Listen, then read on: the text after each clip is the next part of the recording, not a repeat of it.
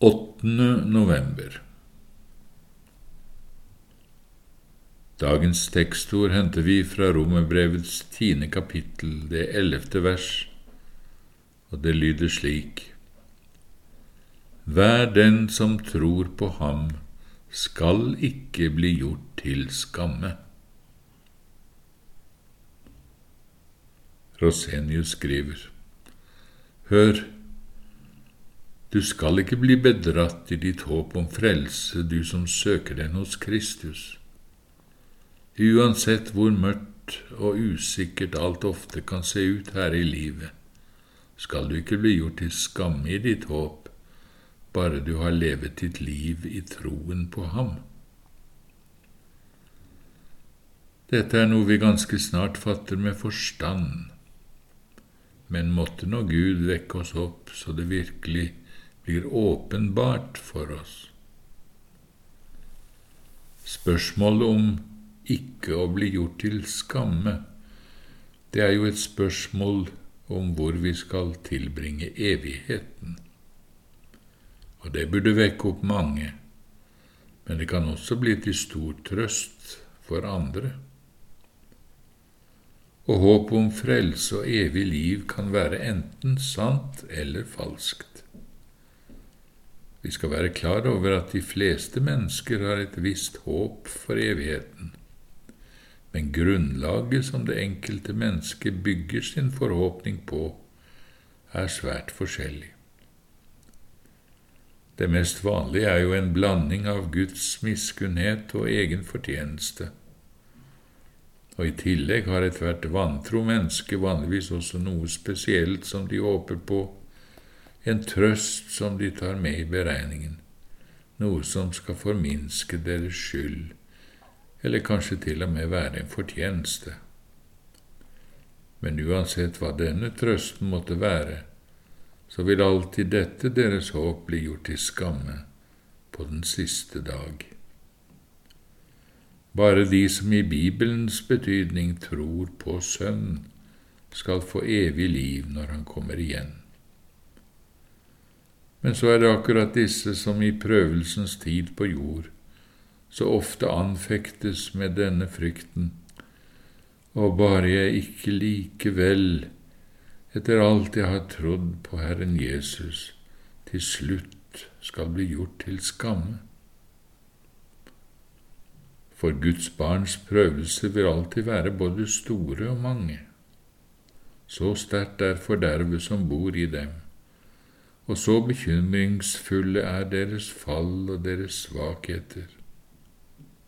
Og så underlig og skjult er Herrens nåde, så vekslende og ufattelig den måten Han fører oss på, og til slutt så fryktelig er djevelens glødende piler at mang en troende sjel urolig har tenkt hvem vet om jeg ikke tror og tror så lenge at det ender med at jeg blir fordømt. Den ene har kilden til sin verste anfektelse i en eller annen iherdig fristelse.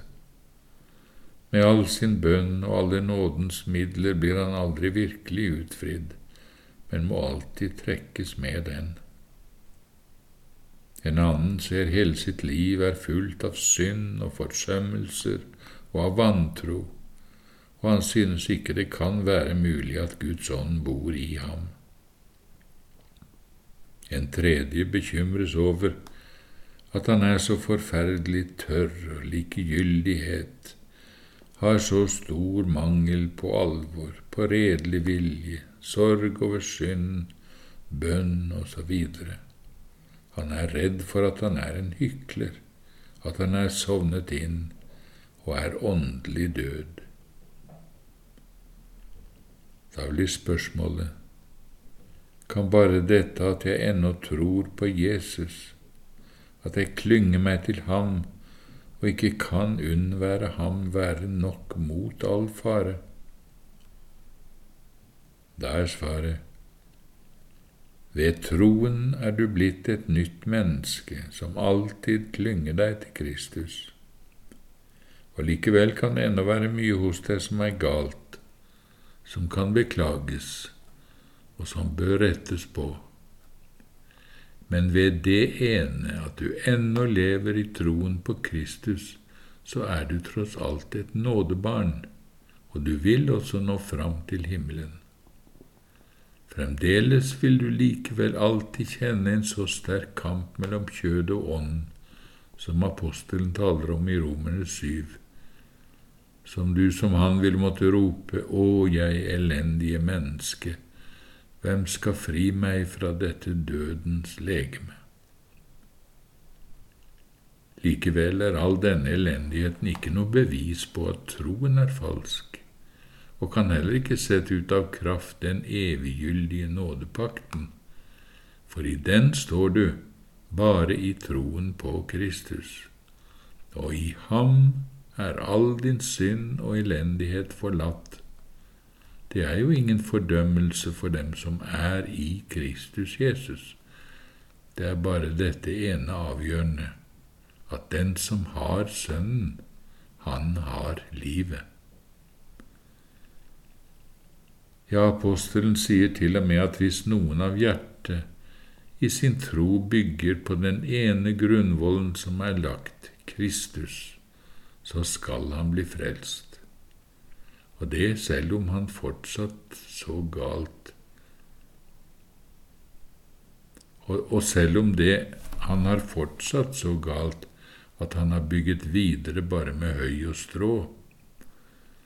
For høy og strå skal brenne opp så han lider tap, det vil si han mister sin lønn for sitt byggverk.